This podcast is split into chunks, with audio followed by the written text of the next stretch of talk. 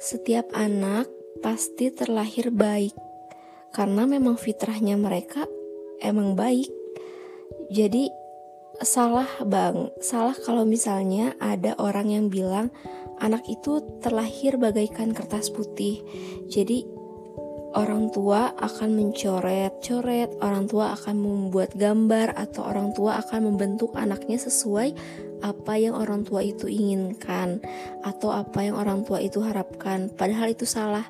Jadi setiap anak itu udah Allah kasih fitrahnya Allah Allah kasih potensinya.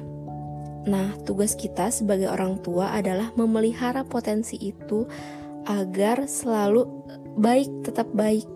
Nah di sini aku mau bahas sedikit tentang bagaimana cara mentreatment anak agar terus baik dan hasilnya insya Allah amin menjadi ahlakul karimah yaitu ahlak yang baik. Di sini aku sama suami punya treatment sih, treatment khusus untuk anak, apalagi itu anak perempuan atau bisa dibilang ini kebiasaan kita yang mungkin bagi kita itu ritual wajib ya. Yang pertama yaitu memeluk anak sesering mungkin. Terus yang kedua, sering mengelus kepala anak, sering mengelus punggung anak, kasih apresiasi setiap dia melakukan suatu hal.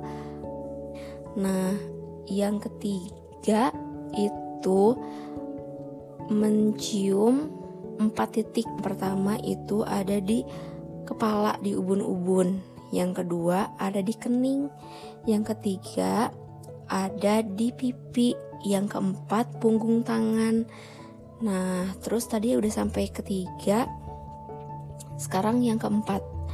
Yang keempat ini wajib sih kalau misalnya menurut aku setiap dia tidur, pas mau tidur kan udah baca doa ya, doa sebelum tidur.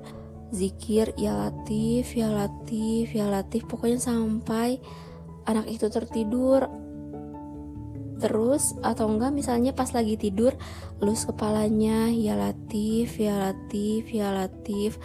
Fungsinya apa? Karena emang jadi hipnotis sih jadi Allah bantu agar melembutkan hati anak.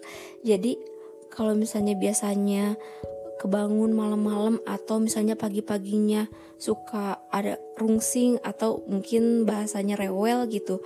Nah, itu tuh enggak gitu. Jadi insya Allah Allah yang bakalan bantu melembutkan hati anak kita karena Allah itu kan maha membolak-balikan hati. Nah dengan zikir ya latif ya latif maka insya Allah Allah akan ngelembutin hati anak kita. Nah terus selanjutnya menanamin mindset di lubuk hati yang paling dalam. Nah, mantra-mantranya itu adalah kalau misalnya aku Shanum, Saza, Shanum anak baik, Shanum anak pinter, Shanum anak soleha, atau misalnya lagi nangis, baik, pinter, soleha, baik, pinter, soleha. Kalau misalnya Shanum lagi nangis pasti suamiku selalu elus-elus punggung Shanum dengan mantra-mantra itu. Jadi Shanum mikir kalau Shanum ini anak baik Shanum anak pinter Shanum anak soleha kayak gitu. Itu tuh emang cara menghipnotis anak itu dengan cara mengucapkan kata-kata yang baik.